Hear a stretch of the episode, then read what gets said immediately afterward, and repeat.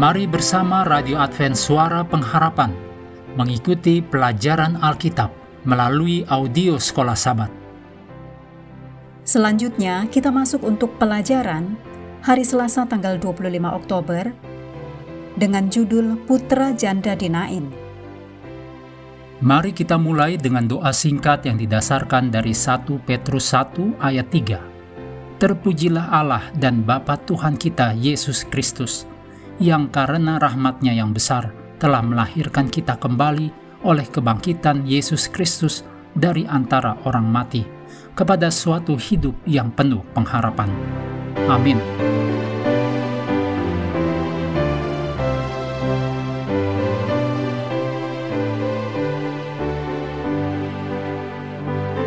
Alkitab mengatakan bahwa Yesus berjalan berkeliling sambil berbuat baik dan menyembuhkan semua orang yang dikuasai iblis, sebab Allah menyertai dia.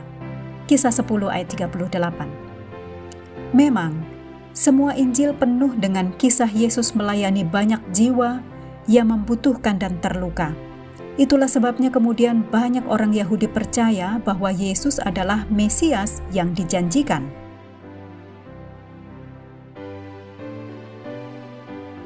Berikut ini kutipan dari buku Kebahagiaan Sejati, halaman 12 dan 13.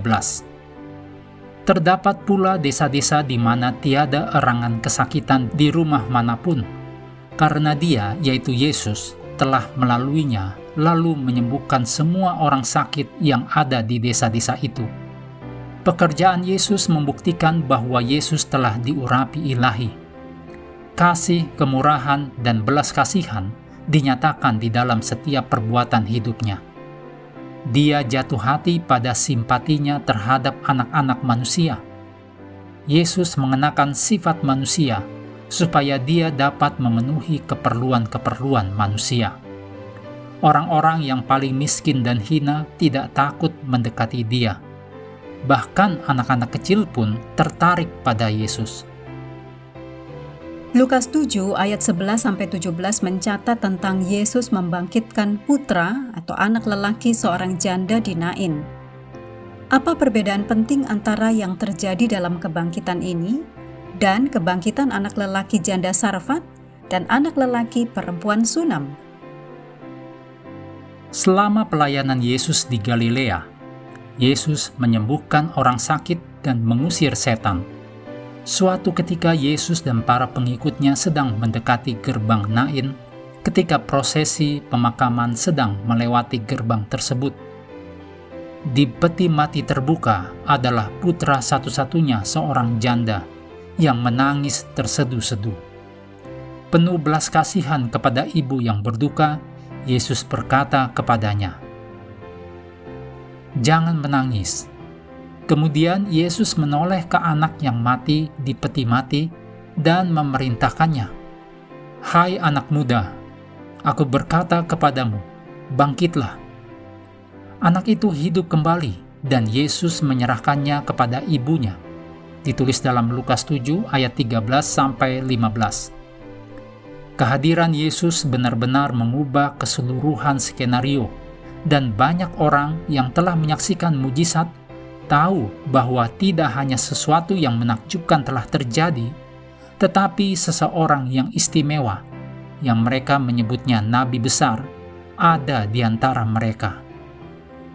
Baik janda Fenisia atau Sarfat yang dicatat dalam satu Raja-Raja 17 ayat 8 sampai 24 dan perempuan Sunam dalam dua Raja-Raja 4 ayat 18 sampai 37 telah meminta bantuan dari Elia dan Elisa tetapi janda Nain ditolong bahkan tanpa dia memintanya. Ini berarti bahwa Tuhan memelihara kita. Bahkan ketika kita tidak mampu atau merasa tidak layak untuk meminta bantuan Tuhan. Yesus melihat masalahnya dan menanganinya. Begitulah ciri Yesus dalam semua pelayanannya. Agama yang benar melibatkan kepedulian terhadap anak yatim dan janda di sekitar kita. Ditulis dalam Yakobus 1 ayat 27.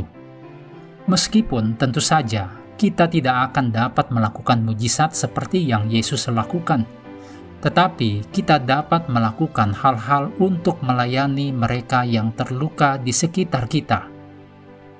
Mengakhiri pelajaran hari ini, mari kembali kepada ayat hafalan kita, Yohanes 11 ayat 25 dan 26. Jawab Yesus, Akulah kebangkitan dan hidup.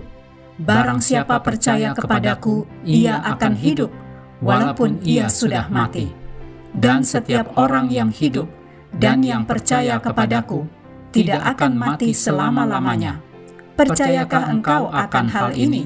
Kami mendorong Anda untuk terus mengambil waktu bersekutu dengan Tuhan setiap hari bersama dengan seluruh anggota keluarga, baik melalui renungan harian, pelajaran sekolah sahabat, juga bacaan Alkitab sedunia percayalah kepada nabi-nabinya, yang untuk hari ini melanjutkan dari 2 Samuel pasal 18. Tuhan memberkati kita semua.